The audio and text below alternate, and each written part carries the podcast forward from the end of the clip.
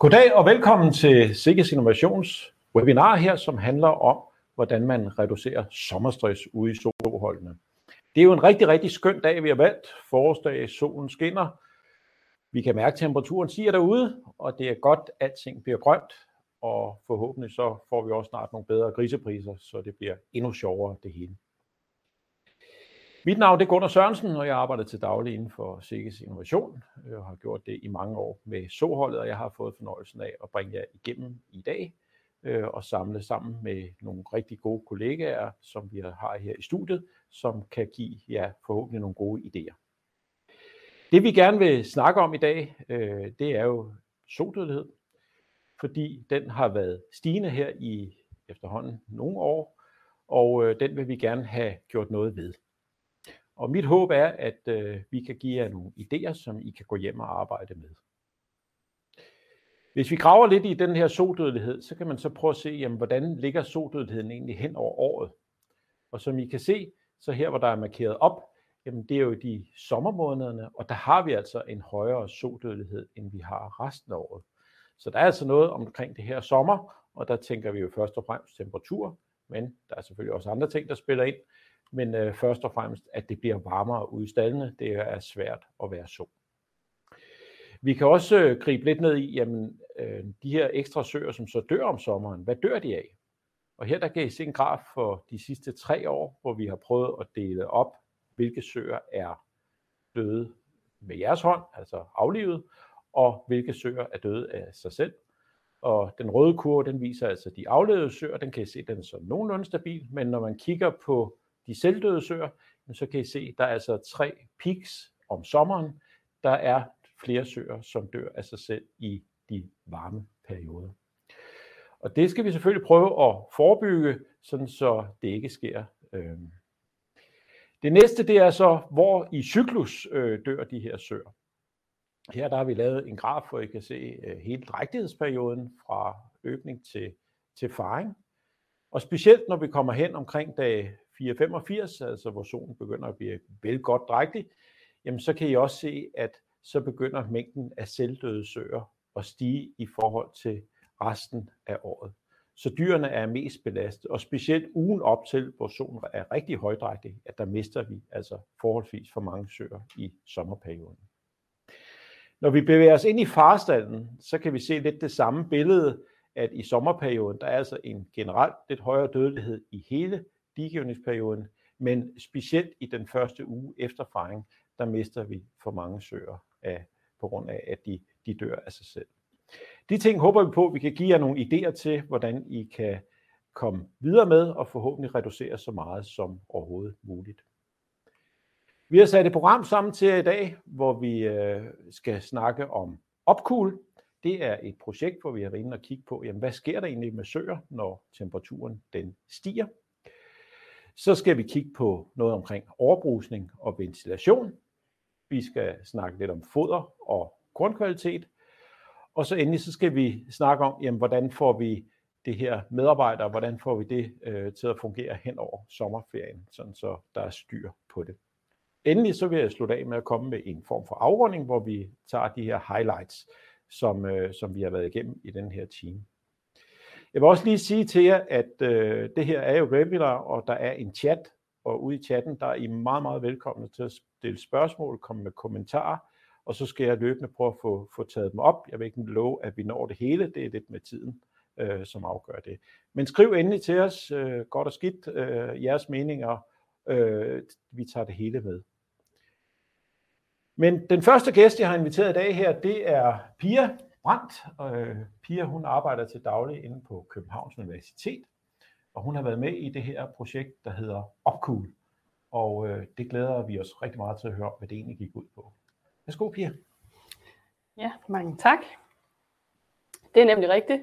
Vi har arbejdet med Opcool, som har til formål at optimere øh, øh klimaforholdene under varme og fugtige øh, klimaforhold for, for søerne. Så fokus i dag det vil være på betydning af temperatur, luftfugtighed og lufthastighed for, øh, for det drægtige søers respirationsfrekvens. Øh, projektet hedder som nævnt øh, OPCOOL, og, og det står for Optimal Cooling for High Productive Sows in Hot Climate, og er et øh, samarbejdsprojekt mellem Københavns Universitet, øh, Aarhus Universitet, øh, Skov og SEGES, og støttet af, af Innovationsfonden. Så baggrunden for at gå i gang med projektet er øh, en forbedret genetik, som har betydet, at øh, søerne får langt flere pattegrise, end de gjorde tidligere. Det giver en øh, øget mælkeproduktion, som så medfører også en øget varmeproduktion. Kombineret med global opvarmning, så vil det betyde, at, øh, at søer i varme og fugtige dele af verden, de vil være påvirket af varmestress, og også, også øh, visse dage under danske forhold vil vi opleve varmestress. Varmestress har negative konsekvenser for dyrenes velfærd, og det kan ses på deres øh, fysiologiske respons som, øh, som en øget respirationsrate og en, og en øget kropstemperatur. Når vi kigger ind i litteraturen, så har øh, effekten af temperatur på adfærd, produktion og fysiologiske øh, responsparametre været undersøgt grundigt. Det samme gør sig ikke helt gældende, når vi, når vi kigger på den relative luftfugtighed og lufthastighed. Så det vi gerne vil se på her, der er vi interesseret i at se på, øh, hvad sker der, eller hvad er den effekten, når vi kombinerer de tre parametre. Derfor var formålet med, med denne her undersøgelse, at øh, vi skulle etablere et datasæt, som vi kan bruge til at forudsige, hvordan netop luft øh, lufthastighed og luftfugtighed påvirker respirationsfrekvensen øh, hos de drægtige søer som et udtryk for varmestress. Det har vi gjort på øh, Sikkes forsøgsstation Grønhøj, hvor vi har øh, ombygget en af slagtesvinstallene, øh, hvor vi har indsat øh, fire bokse til drægtige søer. Øh, og for at kunne øh, skabe de forskellige klima, øh, har vi varmeapparater, dampgeneratorer og affugtere til stede i, i stallen. Så for at kunne generere en øh, ensartet nedadgående luftstrøm, har vi øh, opsat op under loftet nogle øh, særlige luftfordelingsbokse med hver sin øh, ventilationsenhed, som trækker luften op igennem ventilationsenheden og blæser den ud igennem de her 48 huller, der er i bunden af hver boks. Og på den måde har vi kunne generere og styre forskellige lufthastigheder i stallen. Vi har arbejdet med tre niveauer af rumtemperatur, 25, 29 og 33 grader, to niveauer af luftfugtighed, 30 og 70 procent. Vi har øh, haft fire grupper af fire søer, som blev testet over 24 dage. Øh, og på hver testdag har vi i tilfældig rækkefølge haft tre niveauer af lufthastighed, øh, 0,2, 1 og 2,5 meter per sekund. Sådan en testdag øh, varede 24 timer, øh, og startede med en akklimatiseringsperiode på øh, 16 timer, hvor vi havde sat temperaturen 6 grader under den ønskede temperatur på testdagen. Øh, så kom der en opvarmningsperiode, det tog cirka en times tid at komme de 6 grader op og få fugten stabiliseret, og så tre testperioder af to timer hver. Og i akklimatiseringsperioden, der havde vi øh, indstillet til den planlagte relative luftfugtighed og en lufthastighed på 0,2 meter per sekund. Der indgik 16 Danbredsøer i forsøget, som var omkring deres femte læg plus minus lidt. De var på deres øh, 63. 20. dag i drægtigheden, da vi startede forsøget. Øhm, vejede 310 kilo ved indgang, 332 i gennemsnit ved afgang. Så på slagteriet har vi talt antallet af fostre øh, i søerne, og der var i gennemsnit øh, 25 fostre per son. Så har vi været inde og måle respirationsfrekvensen ved at tælle flankebevægelserne i 60 sekunder. Vi har målt rektaltemperatur med et digitalt termometer, og så har vi målt søernes overfladetemperatur i, øh, i P2, som jeg har vist på billedet her til højre, øh, med et infrarødt termometer. Det har vi gjort hver halve time i øh, 3-2 timers testperiode. Og derudover så har vi også kigget på, om solen den stod, øh, sad eller lå øh, ved hver registrering. Så undervejs i forsøget har vi registreret dels temperatur og dels øh, relativ luftfugtighed. Og så har vi i tom stald målt lufthastigheden øh, ved at dele boksen op i 40 felter og måle øh, lufthastigheden. Dels i 80 cm over gulvet som, øh, som standard, men fordi at søerne de lå ned i, øh, i 97% af vores observationer, så har vi også målt lufthastigheden 40 cm over gulvet for at komme ned i dyrenes øh, opholdszone. Øhm, og når vi kommer ned i 40 cm over gulvet, så øh, kommer vi ned på en maks øh, lufthastighed det her setup på, på 1,4, men trods alt med en forskel til, til de øvrige øh, 0,6 og 0,2. Så har jeg taget nogle øh, videoer med, hvor man kan se søer, der har det varmt. Øh, og de videoer, vi skal se nu her, det er kombinationen 33 grader, 70 procent og så 1 øh, meter per sekund.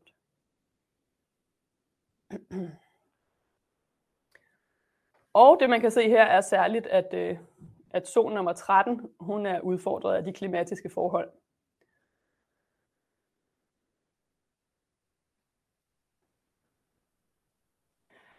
Jeg har en video mere herover.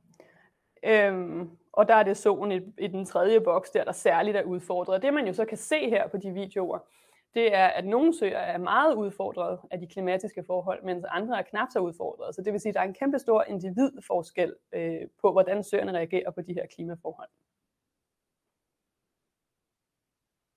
Så kommer vi til resultaterne. Først så øh, kigger vi på respirationsraten som funktion af lufthastigheden, og vi kan se, at når vi øger lufthastigheden, så falder respirationsraten som forventet. Og vi kan se, at det særligt gør sig gældende ved de høje temperaturer, og også til dels den høje fugtighed. Øhm, og hvis, øh, øh, den kombination, der hedder 33 grader og 70 procent, er, er ikke specielt sandsynlig under danske forhold. Men hvis vi kigger på den blå graf, som er 33 grader kombineret med en luftfugtighed på 30 procent, så kan vi reducere respirationsraten fra 84 vejrtrækninger per minut til 61 i gennemsnit, når vi øger lufthastigheden fra 0,2 til 1,4 meter per sekund. Når vi kigger på rektaltemperaturen, øh, er det kun kombinationen 33 grader 70 procent, øh, hvor vi ser øh, at have en effekt af at øge lufthastigheden. For de øvrige er der ikke nogen tydelig effekt på rektaltemperaturen af at øge lufthastigheden. Når vi så kigger på overfladetemperatur, så ser vi også en fin effekt af at øge lufthastigheden. Den falder, når vi øh, overfladetemperaturen falder, når vi øger lufthastigheden for alle seks kombinationer af temperatur og fugtighed. Øhm, og vi kan se, at kurverne ligesom samler sig i, i temperatur, altså det vil sige, nederst ligger 25 grader kombineret med 30 procent, 25 grader kombineret med 70 procent, og så fremdeles. Og det vil sige, at øh, på overfladetemperaturen ser vi ikke nogen effekt af at ændre på luftfugtigheden.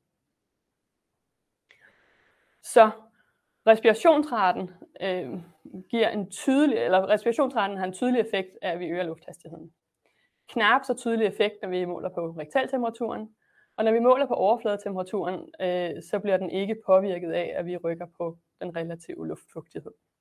Så respirationsraten er, øh, er den mest lovende responsvariabel til at kunne forudsige, hvordan de tre parametre, luft, hastighed, luftfugtighed og temperatur, vil påvirke øh, søernes oplevelse af varmestress. Så dermed er en øget lufthastighed noget af det, vi kan arbejde med, når vi gerne vil reducere varmestress ude i soholdet.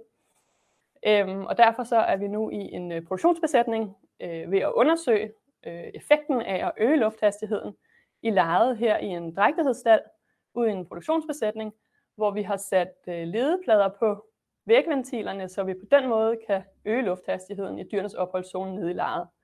Øhm, og her har vi målt lufthastigheden til omkring 0,6 meter per sekund, når vi kommer ind sådan cirka midt i lejet. Så det bliver rigtig spændende at se, hvad der kan komme ud af det. Tak for det, Pia. Det var meget spændende at få sådan lidt mere tal på, hvad sker der egentlig inde i de her søer, når det begynder at blive varmt. Men jeg sidder bare og tænker på, Pia, sådan en som mig, når jeg får det varmt, så begynder jeg jo bare at svede. Hvorfor gør søerne ikke det? Jamen nu er det jo sådan, at søer kan faktisk ikke svede. Øhm, så derfor så det de gør, det er, at de øger deres respirationsrate, og det er den måde, de kan komme af med varmen på. Okay. Men de, altså, vand, køling, øh, de søler jo også meget, kan man se ud på markerne, hvis de får lov til det. Ja, det er rigtigt. Altså, når, når de ligesom ikke kan komme af med mere varme, når, når de ikke kan øge deres respiration yderligere, så vil de søge at søle, mm. øh, eller, eller overbrusningen. Og så nu, nu, sådan, nu har vi set de her søer, det så godt nok voldsomt ud, da de trak vejret, øh, men hvordan påvirker det så resten af kroppen? Er det hjertet, der galopperer det ud af? Eller hvad, ja, altså i de, i de helt grælde tilfælde, så vil vi jo kunne, kunne risikere, at de får hedslag. Og det er jo så dem, vi så mister. Ja. Nu var det jo spændende at se de forsøgsdesigner. Jeg ved også godt, det er jo ikke bare lige noget, man laver. Men hvordan tror du, søerne ville have haft det, hvis nu at de havde været løsgående i en gruppe under de her klimatiske forhold, du har lavet for dem? Øhm, så tror jeg, at de vil have lagt sig øh, spredt. Altså nu har jeg jo bokset dem op øh, til min forsøgsopstilling, men havde de havde løsdrift, så havde de lagt sig i sideleje langt væk fra hinanden. Tusind tak for det her, Pia. Det var virkelig spændende at høre, og vi glæder os til at se, hvad der sker ude i, i praksis, øh, når I kommer i gang med jeres forsøg. Men øh, vi går videre til den næste gæst, jeg har inviteret i dag, og det er, det er faktisk min øh, kære kollega, Lisbeth Ulrik, som har arbejdet med drægtige søer, soldødelighed, staldindretning, ventilation. You name it, hvad den kvinde ikke har arbejdet med igennem livet, det er ikke småting. Lisbeth, hvad kan vi så gøre ude i virkeligheden for at øge den her luftfugtighed, eller lufthastighed? Nu fik vi slået det fast med 7 sø, at det er det, der betyder mest. Men hvad er det, vi kan gøre? Jamen, vi kan faktisk gøre rigtig meget, øh, og det er jo, man kan sige, lidt heldigt, at det er lufthastighed og, og dermed også luftskifte, som Pia nævner, er, er en, en af de parametre, der er god at arbejde med.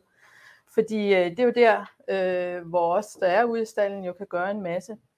Og hvis vi ser på det første, jeg har sat på Adias Dias her, som jeg håber også I kan se, øh, så, øh, så øh, er det jo vigtigt, at man i god tid har vurderet, om man i sin staldanlæg, og det er jo både drægtighedsstald og farstald, som du var inde på, Gunnar, så det er jo begge de stallersnit, der er en stor risiko for, at de højdrægtige søer øh, øh, dør, at der er det utrolig vigtigt at, at sikre os, at det er rigtig dimensioneret, så vi får al den luft ind, øh, der er behov for. For det er jo sådan, at langt de fleste stalle er et undertryksanlæg, og det vil sige, at det er skorstenen, der hiver luft ud og danner det undertryk, og så kommer luften ind af ventilerne eller ind igennem det diffuse loft.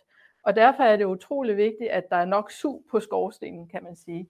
Så gå jeres øh, dimensionering igennem, fordi der kan godt være nogle ældre anlæg, som måske ikke er helt øh, opdateret i relation til, at vores søer er blevet så højtydende, som, som de er.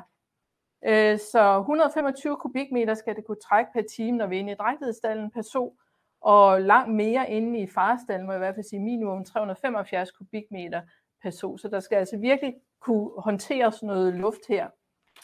Og øh, som jeg siger, så er det jo skorstenen, der hiver ud, og derfor er det utrolig vigtigt, at den er ringgjort, så man er sikker på, at den så også i virkeligheden yder det, at man har regnet sig frem til, at den skal, skal kunne trække. Og hvis der ikke er tilstrækkelig skorstenskapacitet, ja, så er det jo relativt billigt, vil jeg sige, at etablere noget ekstra kapacitet. Øh, den anden vej, så skal der jo hives luft ind, og derfor er det jo utrolig vigtigt, at de vægventiler, man har, eller det diffuse loft, man har, er rengjort.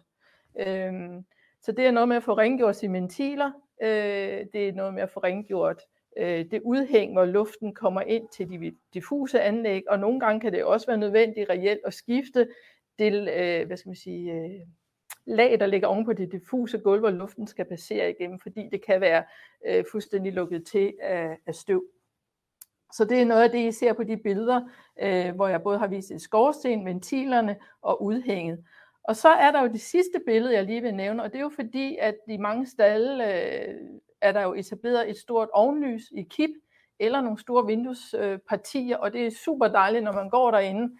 Det har bare den øh, hvad skal man sige, uheldige sideeffekt, at om sommeren er der også enormt lysindfald for de områder, og dermed en ekstra varme, der skal håndteres inde i stallen. Øh, så, så det skal man også tage med i sit regnestykke, hvis man, man har den type stald. Så det er altså noget med at gøre sit ventilationsanlæg klar til, øh, at det virkelig skal yde sin maks her om sommeren. Øh, så vi er sikre på at, at kunne få luft nok ind og skabe de lufthastigheder, som Pia øh, nævnte, var utrolig vigtigt, hvis vi skal hjælpe øh, søerne. Jeg kunne tænke mig at spørge, Lisbeth, nu nævner du en masse tal, og det skal være ordnet, det skal gøres rent og sådan noget, men, men hvordan finder jeg ud af, om mit anlæg øh, sender 125 kubikmeter ind per så, øh, 375 kubikmeter per så? Hvordan finder jeg ud af det? Altså, det skal, man kan sige, ud, alt andet lige, så skal firmaet jo vide, hvordan det er dimensioneret, så de har jo lavet en dimensionering af det. Og, det er ventilationsfirmaet? Ja, ventilationsfirmaet. Ja. Fordi man skal ikke selv, tror jeg, begynder at nørde i, hvad en given vægventil eller skorsten kan trække. Der er selvfølgelig nogle tommefingerregler. Jeg vil også tro, at sin egen lokale rådgiver faktisk kan hjælpe en rigtig langt hen ad vejen. Men i virkeligheden, så er det jo firmaet, man skal kontakte, øh, så man sikrer sig, at det er dimensioneret, og hvad man i givet fald skal gøre for at så få upgradet sit, øh, sit anlæg. Men det hjælper ikke på, at det skal gøres rent, øh, fordi det er, jo, det er jo ligesom der, hvor effekten virkelig øh, ses. Yes, så den ene ting, det var luft. Den anden ting, det er faktisk vand også, øh, fordi vi ved jo, øh, og jeg tror, vi jo har været lidt inde på det, at vand jo også kan være med til at skabe en kølende oplevelse for dyrene. Og det ved vi jo også for sig selv. Det er jo derfor, vi hopper i havet om sommeren. Øh, det er jo fordi, vi bliver kølet. Så, øh, så vi skal også have masser af vand ind i vores stald, men selvfølgelig på den rigtige måde. Og det, jeg har vist her, det er jo vores overbrugsanlæg, øh, som vi jo ser i drægtighedsstallen primært, at det er jo simpelthen guld værd at få op at køre om sommeren. Så det skal også allerede nu tjekkes igennem. Øhm, giver dyserne det spredebillede, vi forventer, altså laver nogle store cirkler, og har vi øh, hvad skal man sige, rørføringen nok til, at hele aktivitetsområdet kan blive overbruset. For det hjælper ikke, som I ser på det billede, jeg har, har vist med de blå trekanter, så, øh, så de søer, der står under den ene trekant, der kan man tydeligvis se, at der er noget overbrusning, mens øh, over i det andet felt, der er faktisk slet ikke noget overbrusning, men det bør der simpelthen være, fordi ellers er det jo kun et fåtal af dyrene, der reelt får glæde af overbrusning, når det virkelig er varmt. Og tro mig, det er de højdrægtige søer, øh, eller de høje rangerende søer, der går op under her, men der er en stor gruppe af søer, der så ikke få lov til at nyde øh, overrusning. Så i mange tilfælde skal man to strenge op og køre, øh, øh, når man virkelig skal have overbruset hele aktivitetsområdet. Så nævnte jeg det med spredebilledet på den enkelte dyse. Vi ved, de kalker til øh, med det vand, vi har i Danmark. Det er jo grundvand. Øh, så derfor er det en rigtig god idé at simpelthen have to sæt dyser. Det ene ligger hele tiden til afkalkning, og det andet øh, er det, øh, man sætter op, når en nyt hold søer kommer ind i stien, eller man par gange øh, løbende skifter i hele stallen. Men det er i hvert fald vigtigt her, når vi starter sommeren, at der er det store spredebillede på, så vi får dækket hele området af med vand. Og så er sommeren øh, faktisk allerede startet, når vi taler overbrusning, fordi som jeg har nævnt der, så er sommerindstillingen faktisk en, der begynder her i april og kører til i hvert fald september. Og det er hyppige øh, hyppig øh, brug af overbrusningsanlæg i perioden fra klokken 8 om morgenen til klokken 8 om aftenen. Halvandet minut to gange i timen, det er et godt udgangspunkt at se. Og så må man se, hvordan stallen fungerer og hvordan dyrene fungerer. Så Knald på vandet også øh, her om sommeren. Den sidste ting, jeg nu lige tager med omkring øh, temperatur, det er vores sygestiger, som jo er nogen, man skal have rigtig mange af, når vi nu især taler sooverlevelse. Vi skal have nogle sygestiger med blødt leje, og det vi jo anbefaler, det er, at det bløde leje er bygget op, som I ser til venstre, men man har noget strøelse, de ligger blødt i, og så har man faktisk en, en drænet under, øh, eller et drænet gulv under, og i linespil, så alt det våde hele tiden løber fra, så det er en tør måtte, og det, øh, det også giver mulighed for, når man deler stien op i et egentligt leje og et øh, aktivitetsområde, det er, at I kan se, at jeg har lavet sådan en lille orange pil, at der faktisk er mulighed for også at overbruse ind i de her stier. Selvfølgelig uden, at man rammer lejet. Der, hvor vi kan se udfordringer, som nogle af jer skal være lidt opmærksom på, det er, hvis vi har dybstrøse. Fordi i dybstrøse stier, hvor gødning og halm bliver, bliver blandet og står og lummer, der kan komme en enorm varmeudvikling. Øh, og det kan faktisk gøre, at det bliver så varmt, at søerne dør af det. Så det man gør, det er nu her at få mudet godt ud, så man kommer i bund med det, og så strører man, hvad skal man sige, så forsigtigt, eller kun så meget, at man kan holde, den, øh, holde modden tør, men endelig ikke så meget, at den begynder at varme, for ellers må man simpelthen mue ud en ekstra gang. Så vær opmærksom på det med sygestigerne, at, øh, at de fungerer optimalt også om sommeren. Det sidste emne, jeg vil tage, tage fat på, det er den daglige drift de andre ting, jeg har været inde på, det er mere noget, man kan gøre klar allerede nu, øh, inden at sommeren rigtig kommer i gang. Men, øh, men som Pia jo var inde på, så kan man jo faktisk se på søerne, øh, at de, øh, de respirerer hurtigt, øh, når, når de, øh, de har det virkelig varmt. Og som Gunnar og Pia også diskuterede, de vil meget gerne ligge i sideleje, når de virkelig får varmt, så de har en stor overflade og kan komme af med alt det her varme.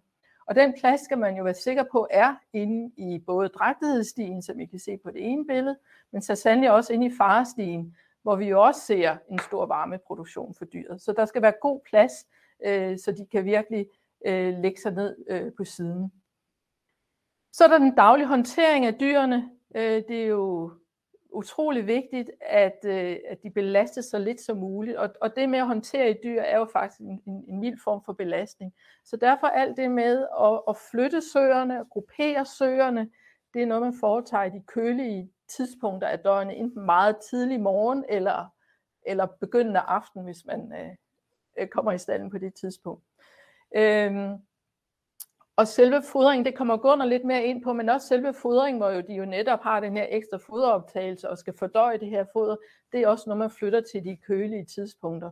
Og, og de drægtige søer, der bliver fået en gang om dagen, ja, der vil det være oplagt at lægge det meget tidlig morgen, mens man har nogle andre udfordringer inde i, i med at få fordelt de flere fodringer. Hvis det er sådan, at man oplever en so, der virkelig kammer over i relation til varme, altså virkelig ligger og, og hyperventilerer og bliver helt rød og passiv, så er det med at være hurtig og få noget vand på hende og få hende lynhurtigt kølet ned igen. Og der kan man meget nemt i virkeligheden redde en so fra at dø øh, når med den hurtig indsats. Det, der også sker om sommeren, det er, når temperaturen stiger, så der, hvor vi har foderrester, der sker en, en opblomstring af bakterier, så derfor skal man i sommerperioden være utrolig opmærksom på rengøring af sine øh, kryber, øh, øh, selvfølgelig også sin øh, vand. De har brug for rigtig meget vand, og, og de skal også være rengjort og være sikre på, at det er, er ren vand, der er i, i tru og, og kopper, så søerne har mulighed for at, at få en god øh, vandoptagelse. Og endelig skal man jo også øge øh, opmærksomheden omkring hygiejne ude i øh, sin fodertanke, hele sit foderanlæg, fordi der kan sidde rigtig mange klumper af, af gammelt foder, som jo bliver et endnu større problem, når det er varmt derude. Så man er simpelthen nødt til at, at have en nøje gennemgang af, af sit anlæg. Så, så det var nogle af mine øh, sådan lidt mere praktiske input gående til øh, at håndtere øh, søer og stand, når det ja. bliver rigtig varmt. Tusind tak for det, Lisbeth. Øh, spændende og det er i hvert fald noget, man, man direkte kan gå hjem og, og tage fat i. Jeg nyder jo selv at komme i sådan en drægtighedsstald med de her ovenlysvinduer, for der er sådan en dejlig lys inde i sådan en stald. Men du siger også, der kommer meget varme ind. Øh, og, og hvad skal man gøre ved det? Jamen altså, det, det sådan nemme svar er jo, at man gør ligesom hvis man har et drivhus og dyrker tomater, så ved man også, at man skal kalde det til, fordi altså, så bliver der simpelthen for, for kraftige lysindfald og varme. Så, så i virkeligheden kan man kalde sine vinduer til, øh, man kan også sætte måske nogle markiser op, og dem, der står for at bygge en ny stald, det er jo så nok ikke så mange, øh, de skal så lige tænke sig om en ekstra gang, hvordan, øh, hvor meget lys øh, indfald man reelt vil have. Men, men det er en væsentlig faktor. En anden ting, jeg faktisk kan nævne også, som jeg ikke kom ind på, det er, at, de, at, at virkeligheden burde de drægtige, højdrægtige søer være jævnt fordelt i stallen, så man ikke har nogle hjørner i stallen, hvor alle de drægtige søer ligger, og nogle andre hjørner, hvor de nyindsatte er. Fordi typisk har vi jo sådan en slangesystem, og det vil sige, at der er flere stier ved siden af hinanden med, med, med højdrægtige søer, der virkelig pumper varme ud. Øhm, og det er jo selvfølgelig noget med, at man så skal lave om på sit system, men sådan rent øh, temperaturmæssigt i stallen og fordeling af varmen, der, der ville det faktisk være en god idé at, at lige øh, ændre rækkefølgen lidt, øh, på nogle årstider i hvert fald. En anden ting, jeg tit ser, Lisbeth, det er det her med, at de her overbrusninger, ventilerne, de kan det til og så skal man skifte, siger du, man skal have altid nogen klar. Har du ikke et eller andet fif til at komme ud over det, ud og have et dobbeltsæt? Så det er man... faktisk det, det, hvad jeg lige ved, Gunnar, det kan godt være, du ved, når jeg, så er det faktisk bare bedst at have nogle meget, meget klare rutiner om, at man har to sæt. Det ene ligger til afkalkning, og når man så sætter et nyt hold søer ind i stien, så tager man et nyt sæt og skifter dem, der er i stien.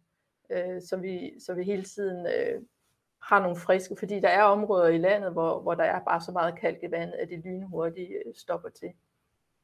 Og så var der jo faktisk et fif her, fordi nu har jeg det her vand, hvor der er kalk i, det er jo så det, I skal bruge til at komme på vinduerne, så solen ikke skinner ind. Så det er jo sådan en, en win-win situation. Det er meget opfindsom, Gunn. Ja, det må man sige.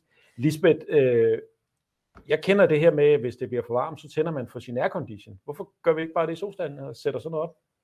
Jamen, øh, hvis, øh, hvis man havde råd til det, var det da også en utrolig nem øh, løsning. Øh, det går nok så ikke helt i, i vores øh, klimaoptik og økonomi.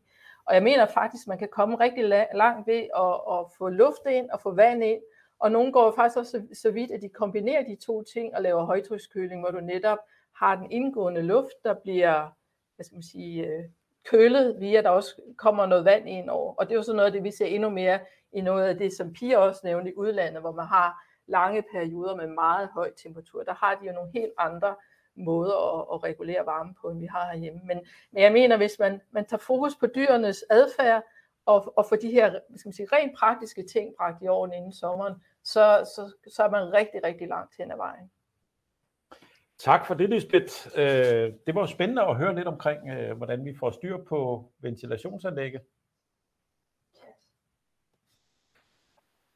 Og så må I altså gerne huske det her med lige at skrive til os, fordi øh, der kommer ikke så meget ind, men øh, I, må meget gerne, øh, I må meget gerne skrive til jer.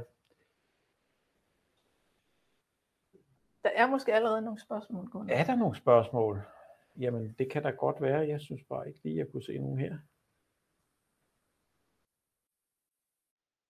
Så, så ruller vi lige ned en gang og ser, at det er Tom Madsen her, som spørger... Øh, øh, han skriver sådan, at man kan montere sådan et AM-Tech øh, kalkknuseranlæg, som sætter, så sætter kalken sig ikke så meget. God idé, Tom.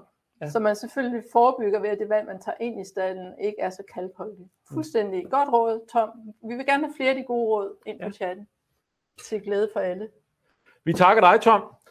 øh, og så, så ruller vi emnet over til noget omkring øh, foder og kornkvalitet. Fordi fodringen eller øh, fodret er jo en ret stor post i, i sådan et sohold, og den øh, påvirker altså dyrene rigtig meget.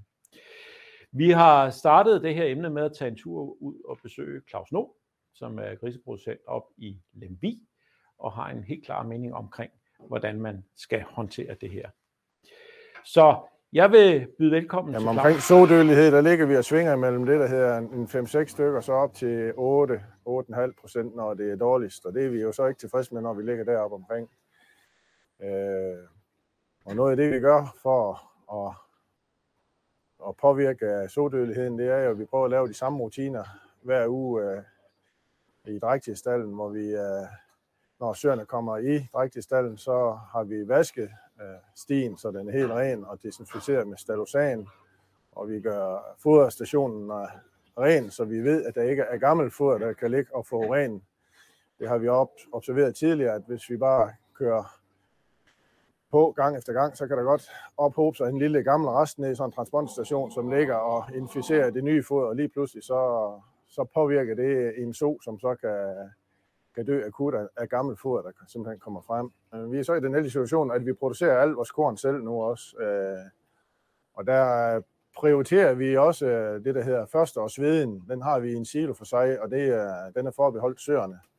Og så har vi vores byg, gør vi meget ud af at få høstet, så den ikke bliver for våd. Og så har vi de her amerikanersilo, vi får masser af luft og omrørt. Så vi gør en del ud af at prøve at, at få en god kvalitet korn ind. Og derudover, der har vi sådan en rigtig øh, foderstofrenser, sådan en skjoldrenser, der virkelig, den renser kornet på lager, og vi renser det ud af lageret, inden det kommer ind til grisen igen. Så vi dobbeltrenser alt korn øh, af samme årsag. Og så som jeg sagde før, så har vi øh, altid toksinbinder i, øh, i foder til søerne, fordi øh, du ved aldrig, hvornår det er, du kan rende og tage prøver, men det er simpelthen en forsikring, vi har valgt at sige, den, øh, den tegner vi. Så det var meget klare budskaber her fra Claus. Øh, han siger også hygiejne, vand, foder, se nu efter det. Han siger også hygiejne, kornkvalitet. Og den her sommerperiode passer altså sammen med, at vi begynder at tømme de siloerne for alvor. Det vil sige, at der er meget møg i bunden af siloerne. Så det her med at få renset sit korn som hjemmeblander er en rigtig, rigtig god idé. Øh, Clausen siger også, at det her med at passe sin søer og se efter sin søer, jamen det skal bare sættes i system, og det skal gøre ensartet dag ud og dag ind. Så kan man faktisk øh, ligge på en sodødelighed i niveau 5-6 procent, som Clausen siger. Øh, og det håber jeg selvfølgelig også, at mange af jer gør, men, øh, men det er i hvert fald det mål, som, som man kan nå. Vi skal lidt videre med, med fodringen, øh, og det første, som, som jeg lige vil tage fat i, det er det her omkring husdyring. Altså, det, har vi jo sagt, eller jeg har i hvert fald sagt det rigtig mange år, det har været diskuteret intenst her i, i, i de sidste 10 år, at det, at man har en god hulstyring, man har ensartet søer, hverken for tynde eller for tykke søer, det er en rigtig god forsikring i den varme periode. For de her meget kraftige søer, jamen de er altså endnu mere eksponeret for at blive påvirket af varmen, end almindelige slanke søer er. Derudover, så er der selvfølgelig, når man har fokus på sin hulstyring, jamen så er der også noget produktiviteten. Den bliver altså en tand bedre. Der er noget omkring økonomien med de foderpriser, vi har i dag. Den bliver også bedre, fordi man holder sit øh, foderforbrug i, i ave. Så det er ikke kun i sommerperioden, at man skal have styr på sit hud. Det skal man selvfølgelig gennem hele året. Men øh, effekten af ikke at have det er nok størst om sommeren. Det næste det er, at man kan kigge på, hvor mange gange man fodrer sine søer. Der er ingen tvivl om, at solens fodoptagelse den er påvirket af, når det er varmt. Og specielt i farestallen, hvor øh, solen hun skal æde 9-10 kilo om dagen på toplaktationen, jamen der kan det godt være udfordrende at få puttet det foder i munden på søerne. Derfor så prøv at kigge på dine fodertidspunkter. Kan jeg flytte lidt på dem, altså så jeg lægger dem til, til de perioder af døgnet, hvor det er køligere, og så i stedet for at, at holde pausen om natten, så holder jeg altså pausen midt på dagen, når det er varmt. Det virker som regel med hensyn til at få fodoptagelsen op igen. En anden ting, som anvendes specielt i områder af verden, hvor det er varmere end i dag, øh, end i Danmark, jamen det er at tilsætte noget BT1 til, til fodret. BT1 det er sådan et stof, som hjælper på, på dyrs termoregulering. Vi også, der er nogle besætninger, der har gjort det i Danmark, men vi har ikke selv nogen uh, tal erfaringer med det. Men vi ved fra, fra meget varme områder, øh, der bruges det, det hyppigt. Og så er det også godt at kigge på elektrolytbalancen i sin blanding, altså hvor, mange, øh, hvor meget salt, hvor meget hypoklorit og sådan noget har jeg i mit foder, fordi dyret jo ofte øh, drikker mere vand, og derfor så har det også behov for, for flere mineraler. Fordi det der med vandet, det er, det er øh, alfa og omega. Mange glemmer jo det her vand, fordi det er jo et af de vigtigste næringsstoffer, der findes i en svinproduktion. Og det er dyrets måde at kunne kompensere for, at det har det varmt, det er ved at prøve at drikke noget mere. Så der skal selvfølgelig være adgang til frisk, koldt vand til alle søerne. Øh, og vi kan faktisk se, når det bliver, bliver rigtig varmt, jeg ved ikke om Pia hun målte det i sin studie, hvor meget vand de drak de her søer, men det er, er markant mere, at de drikker faktisk helt op til seks gange så meget vand, kan de drikke, som, som de normalt gør. Og det skal de jo have mulighed for. Men den der store vandoptagelse, den påvirker altså også elektrolytbalancen, så det kan man altså kompensere lidt ved at have lidt mere salt og øh, elektrolyt i, i sit foder. Det man også skal være opmærksom på, det er, at øh, når det bliver meget varmt, så øh, er dyrets, øh, kan dyrene få, søerne få flere fordøjelsesproblemer, simpelthen fordi de er belastet, de ligger meget ned osv. Og de kan også få flere infektioner, end vi ellers ser på, på de øvrige perioder af døgnet. Så derfor det her med øh, ved sin tilsyn af dyrene, være ekstra opmærksom på de her faktorer, når vi er inde i, øh, i de varme perioder, fordi det kan påvirke hele for, immunforsvaret, og dermed, at, at vi kommer til at miste nogle søer den vej rundt. Hvad gør vi så i, i den praktiske fodring? Øh, ja, i de senere år, eller efter en del år, har, vi, har det jo været øh, interessant at hæve foderstyrken op til faring. Det er nogle gode tal, der kom op fra Forlum, hvor de viste, at når du hæver foderstyrken, jamen så har solen øh, nok næringsstof glukose i sit blod til at gennemføre nogle hurtige faringer, så vi får færre dødfødte grise. Vi er i niveau 3,5 til 4 fodenheder skal søerne faktisk æde i, i den sidste periode op til faring. Hvis I husker de indledende tal, jeg viste omkring det her med, hvornår begyndte mængden af selvdøde søer at stige i drægtighedsperioden, jamen så begyndte de der to kurver faktisk at skilles lidt ad omkring fire uger før faring. Det kan måske hænge sammen med, at vi hæver foderstyrken på det tidspunkt. Så det der med at gå fra to fodenheder, så næste dag øh, tre en halv fodenhed, altså tag og lav en periode, så det sådan er en glidende overgang for søerne, fordi selvfølgelig så kan det have en effekt. Det andet det er det der med, at, at øh, vi har jo fibre i vores foder. Der findes jo ikke en soholder ud med respekt for sig selv, som ikke har, har ropiller i sit foder, fordi det er dokumenteret så mange gange, at det har en gavnlig effekt på dyrenes produktivitet. Men det her med dobbelt er dobbelt så godt, det er ikke nødvendigvis sådan med roepillerne. I praksis bruger man 3% i sit digeringsfoder og 6% i sit øh, drægtighedsfoder for at opnå en god produktivitet. Det her med at gå endnu højere op er ikke nødvendigvis øh, det bedste. Der er også den ulempe ved det med, med rogepillerne, at, det er jo en fiber, og der sker en fermentering inde i tyktarmen på solen, som giver varme. Så man sætter sådan set en lille radiator ind i solen, når man begynder at, at, at hæve fiberindholdet. Så her har vi to ting, som vi ved har god effekt på dyrenes produktivitet. Men øh, skal jeg gå på kompromis med de her to ting, når vi, øh, når vi kommer ind i, i sommerperioden. Nu er jeg så heldig, så jeg har vinrådgiver Kjeld Sommer her ved min side, øh, og det er jo dig, der arbejder med sådan noget her til daglig, Kjeld. Jeg kunne godt tænke mig at sige, vil spørge dig, hvad er det, du sådan anbefaler folk at gøre? I forhold til fodring? Ja, i ja. forhold til, til slutfoderstyrke og fiber. Ja. Generelt set, så, øh, så, så forsøger vi jo altid at følge øh, de generelle normer, ikke?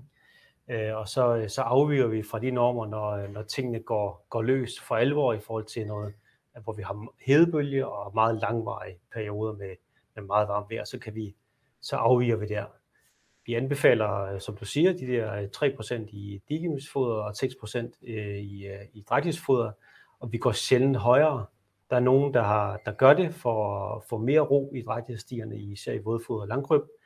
Øhm, men jeg synes, der er egentlig bakket op i, i forhold til, at øh, om sommeren, der bør man overveje, om det, om det er den rigtige strategi, for jeg tror egentlig, der er ro på alligevel, når det er, øh, når det er så varmt, som det er. Så, øh, så tænk over det derude. Og så de der ropiller, de er jo heller ikke gratis jo, og vi kan se foderprisernes himmelflugt. Skal man blive ved at bruge ropiller i det hele taget? Ja, det skal man. Øh, og jeg tror egentlig lige nu, der, der er det økonomisk set en øh, udmærket idé at bruge, bruge ropiller, fordi at øh, Øh, kornet er så monsterdyr, som det er. Så, øh, så det, men det er jo op til den enkeltes øh, situation, og i forhold til kornbeholdning osv., men lige præcis i forhold til, til varmestress, så skal man nok tænke over øh, indholdet, hvor højt det er. Tak for det, Kjeld. Godt, du lige vil give os lidt praktisk input på det. Men grunden til, at jeg inviterede Kjeld sommer her i dag, det er jo, at Kjeld arbejder jo som svinerådgiver på vækst, og kommer jo i rigtig mange sohold. Og vi har bedt ham om at fortælle om, hvordan griber man den her sommerperiode an. Øh, der skal jo afvikles noget ferie osv. osv. Sådan så besætningen ikke er påvirket af, af den her sommerperiode. Værsgo, Kjeld. Tak skal du have. Det er sådan, at det i, øh, i jeres stalle derude, der er alting jo præget af rutinearbejde. Øh, det vi gjorde i mandags, det skal vi også gøre nu på mandag og næste mandag osv. osv. Øh, det der er forskellen i forhold til varmestress, det er, at det er absolut ikke, og heldigvis øh, ikke en rutine. Så, øh, så det kræver lidt ekstra øh, fokus og opmærksomhed at øh, håndtere varmestress blandt søerne. Øhm, og det der er jo rigtig meget øh, i, kan man sige, det er jo, jamen, hvornår er det egentlig, hvornår opstår det egentlig, hvornår er det et problem? Det er øh, med den viden, vi har nu med ud fra tallene, så, så ved vi, at det er juli og august, at der er en, en øget selvdødelighed, kan man sige, blandt søerne. Og øh, det er i hvert fald rigtig vigtig viden for, for os alle sammen, både rådgivere og producenter, at øh, jamen, her skal vi altså gøre noget ekstra. Øh, så det er i hvert fald det første, jeg synes, I skal, I skal tænke over, det er, at der er, der er, der er nogle høje, høje tidspunkter, hvor, hvor I er ekstra udfordret. Og det, som, øh, som jeg synes, der er øh, vigtigt at tænke over, det er, at øh, når I har øh, ferieafvikling, så har I jo indskrænket jeres medarbejderstab til et minimum.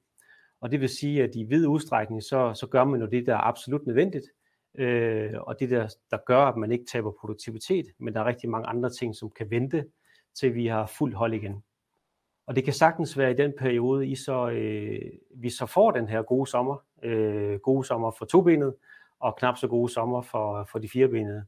Og der er det vigtigt at være forberedt og være klar til at, til at vide, hvad er det, vi skal gøre egentlig, når sådan noget der det opstår. Gå lige ned her. Det, som øh, jeg synes, I skal, skal tænke meget over, det er, hvad der er sket de foregående år. Øh, I sidder som øh, ejer og driftleder øh, og har kendskab til, hvordan jeres stallanlæg det opfører sig fra år til år. Så tænk tilbage på, hvad, hvor er det egentlig, vi har udfordringer i vores stallanlæg, sådan så I kan, I kan øh, klæde medarbejderne på til at være klar til, at, øh, at det bliver sommer. Det er jo sådan, at øh, når når vi har et staldanlæg, så er de jo vidt forskellige fra, fra, fra, fra sted til sted. Og der er bare nogle steder, hvor det, hvor der er, hvor det for eksempel er drægtigstallen, vi har for lidt luft, eller det er farstallen, vi har for lidt luft, eller de meget små farestiger, eller, eller hvad ved jeg.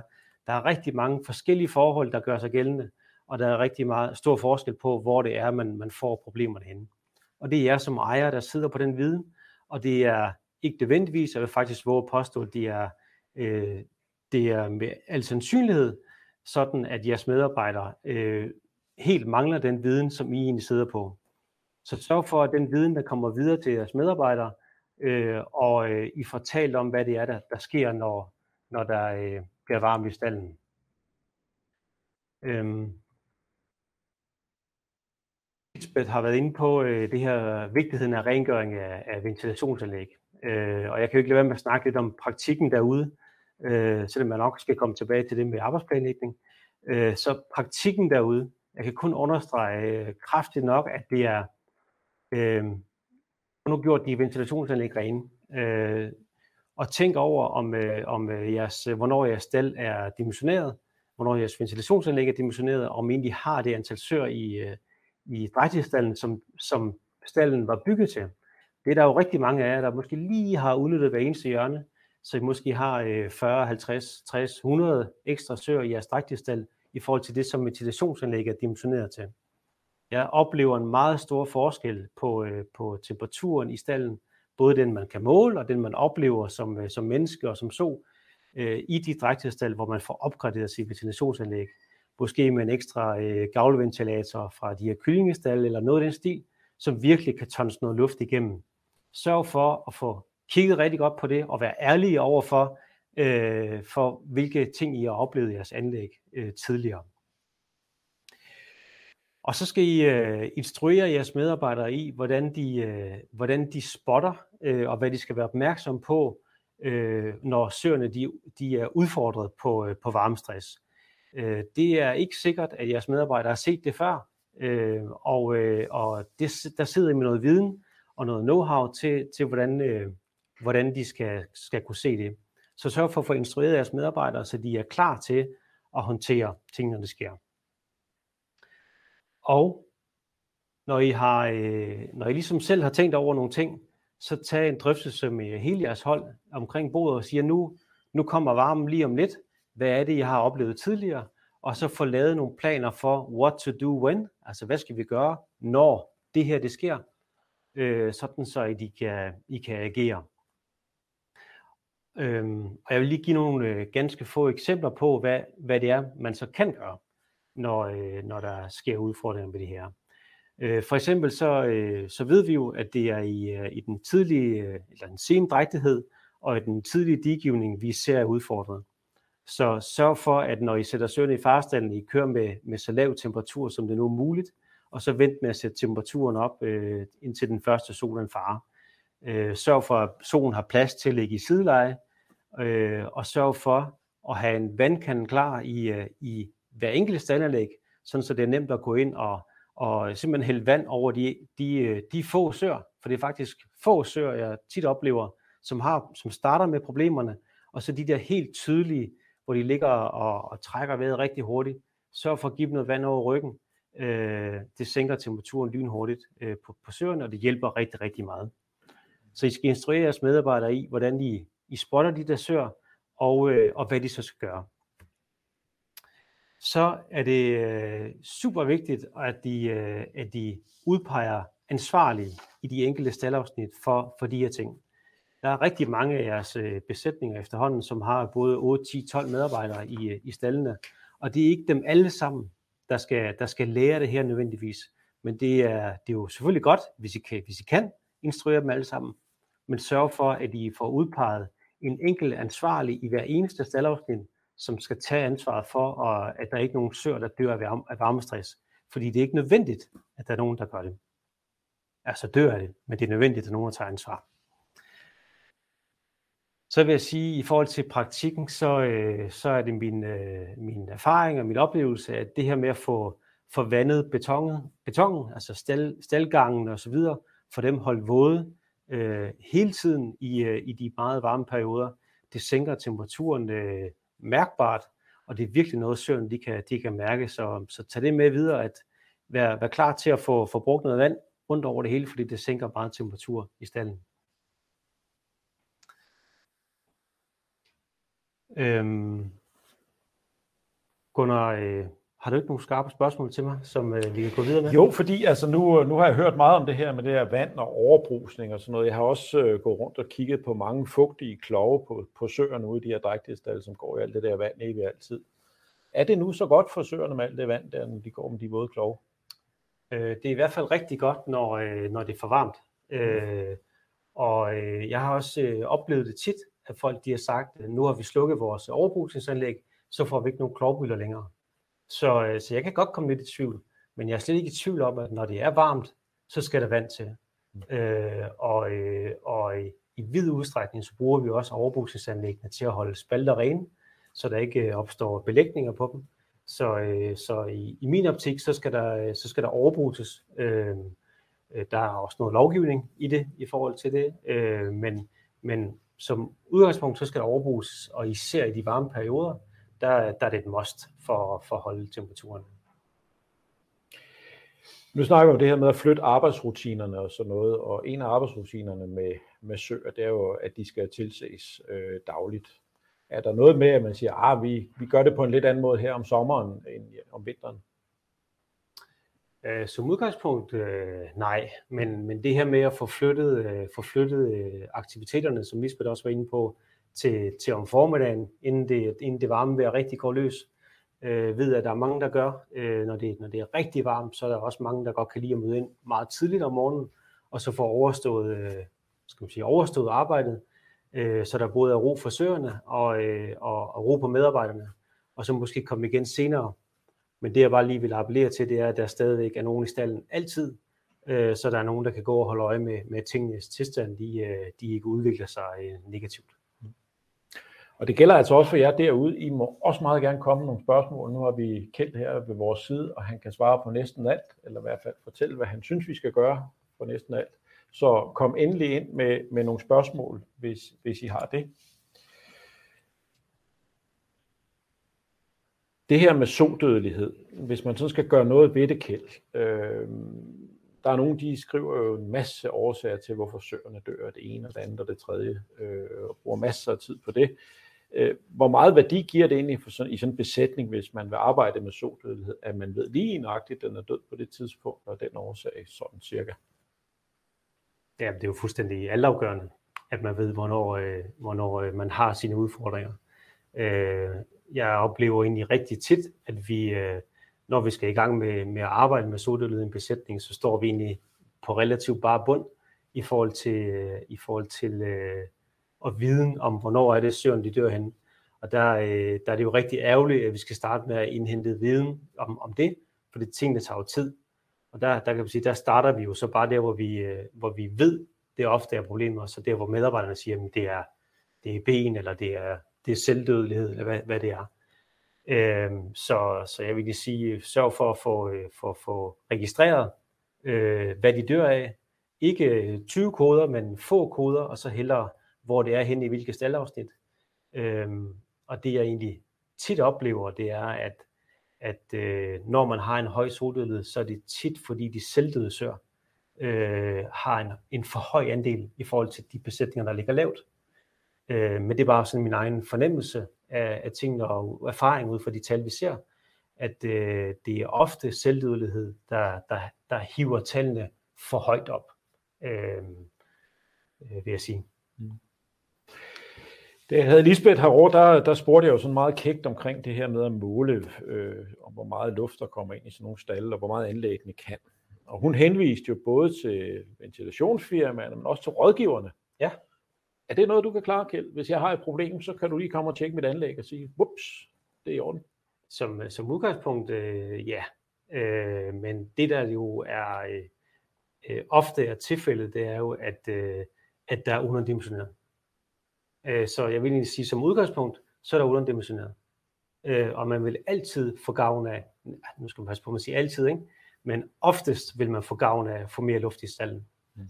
Øh, så, så, men ja, selvfølgelig kan vi tjekke, og vi kan hjælpe med at, med at gå, gå ind og pege på de rigtige steder, hvor man siger, det er her, du skal bruge penge, og her skal du lade være med at bruge penge.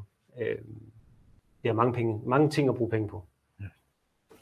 Tak for det, Kjeld. Det var kanon, at du vil stille dig op og hjælpe med at, at finde ud af, om jeres ventilationsanlæg de virker på, på, som de skal.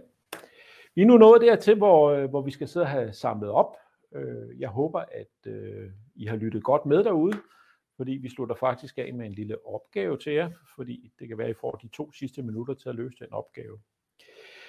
Det første, vi hørte, det var jo Pia, som får slået det mega fast, at det er lufthastigheden, der betyder noget for, hvordan dyrene opfatter varmen. Det er jo dejligt at få den slået helt fast. Det er den, vi skal have, vi skal have noget mere gang i. Så skal vi have gennemgået det der ventilationsanlæg, og det skal altså ske nu. Det skal ikke ske, når det bliver varmt.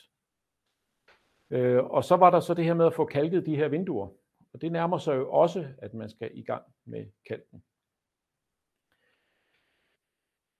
Vi har overbrusning, og den starter altså også nu, fortalte Lisbeth os. Det er ikke om to måneder, det er nu, man starter med sin overbrusning, og man tjekker sine ventiler. Vi fik et godt fif fra Tom, og tak for det Tom, og du har så siden hjulpet os med at fortælle, at det sådan set ikke er kalken, det fjerner. Det fjerner muligheden for, at kalken kan vedhæfte sig til tingene. Og, og Tom han skriver til os, at det er en billig ting, og det koster lidt strøm, men det er sådan set det. Så det kan være, at det er det der lille praktiske fif, der gør, at de her overbrusningsanlæg, de kommer til at virke efter hensigten. Så skal vi have fokus på hygiejnen, endnu mere fokus på hygiejnen, når det bliver varmt. Og det er jo både krybber, det er vandingssystem, og det er fodringssystem. Selvfølgelig er med vådfodring skal jo have endnu mere fokus på det. Dermed ikke sagt, at det glemmer vi resten af året, men om sommeren, så kan det altså gå rigtig galt, hvis der begynder at sidde kager, og det er 30 grader varmt. Det vokser voldsomt stærkt, og det kan altså give akutte problemer, som Claus nu også fortalte om i sit indlæg. Så er der det her med at ændre på flyttetidspunkterne. Ja, som Pia også fortalte, når det er meget varmt, så vil dyrene hellere ligge ned og puste, og de har ikke specielt lyst til at tage en boksekamp med sine andre kollegaer. Så derfor prøv at få flyttet fodringstidspunkterne til sidst på dagen. Eller i værste fald hen over morgenstunden, hvor det jo typisk er det koldere, men nok tro i langt de fleste tilfælde er det mest fornuftigt at klare det sådan start dagen lidt tidligere, end man ellers gør. Har så også den fordel for os tobenede væsener, at der er også koldere for os inde i stallen. Så vi må måske gerne være der lidt længere og gøre det lidt bedre, alt det sædvanlige arbejde, vi har inde i, i stallene. Vi øh, snakkede om, at øh, vandforsyningen, den skal altså bare være i orden. Det er dyrets mulighed for selv at prøve at gøre noget, hvis vi ikke kan hjælpe den med luft eller overbrusning eller tilsvarende, det at drikke noget mere vand. Så det skal den have mulighed for. Øh, så få tjekket de her øh, vandingsanlæg. Og så det sidste argument, som Kjeld han kom med meget præcist her, det er, tænk på sidste år. Kig på jeres besætning. Hvad var det, der skete, da det blev varmt? Hvor var det, problemerne de opstod? Var det sendrægthed? Var det farestald? Hvor var det henne? Sådan så man kan bruge den der erfaring til at være på forkant næste eller i år på, at de samme problemer ikke sker.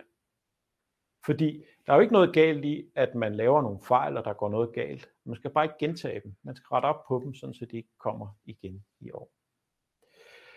Og det er derfor, at jeg gerne vil slutte af med at give jer en lille opgave. Nu sidder jeg jo der rundt om, om bordet, forhåbentlig med ejer, driftledere og, og ansatte.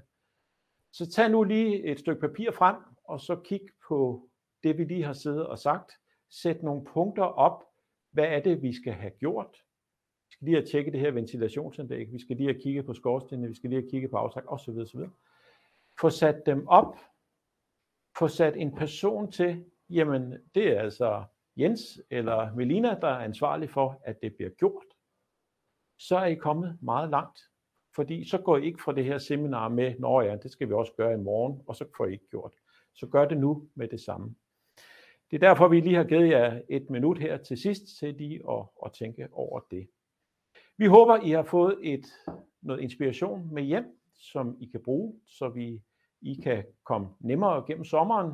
Og så for os tobenede er vi selvfølgelig glade for sol og sommer, men øh, vi skal også have vores sohold til at fungere uden for højet mængde af selvdøde søer. Så tusind tak, fordi I lyttede med, og god fornøjelse ude i stallene.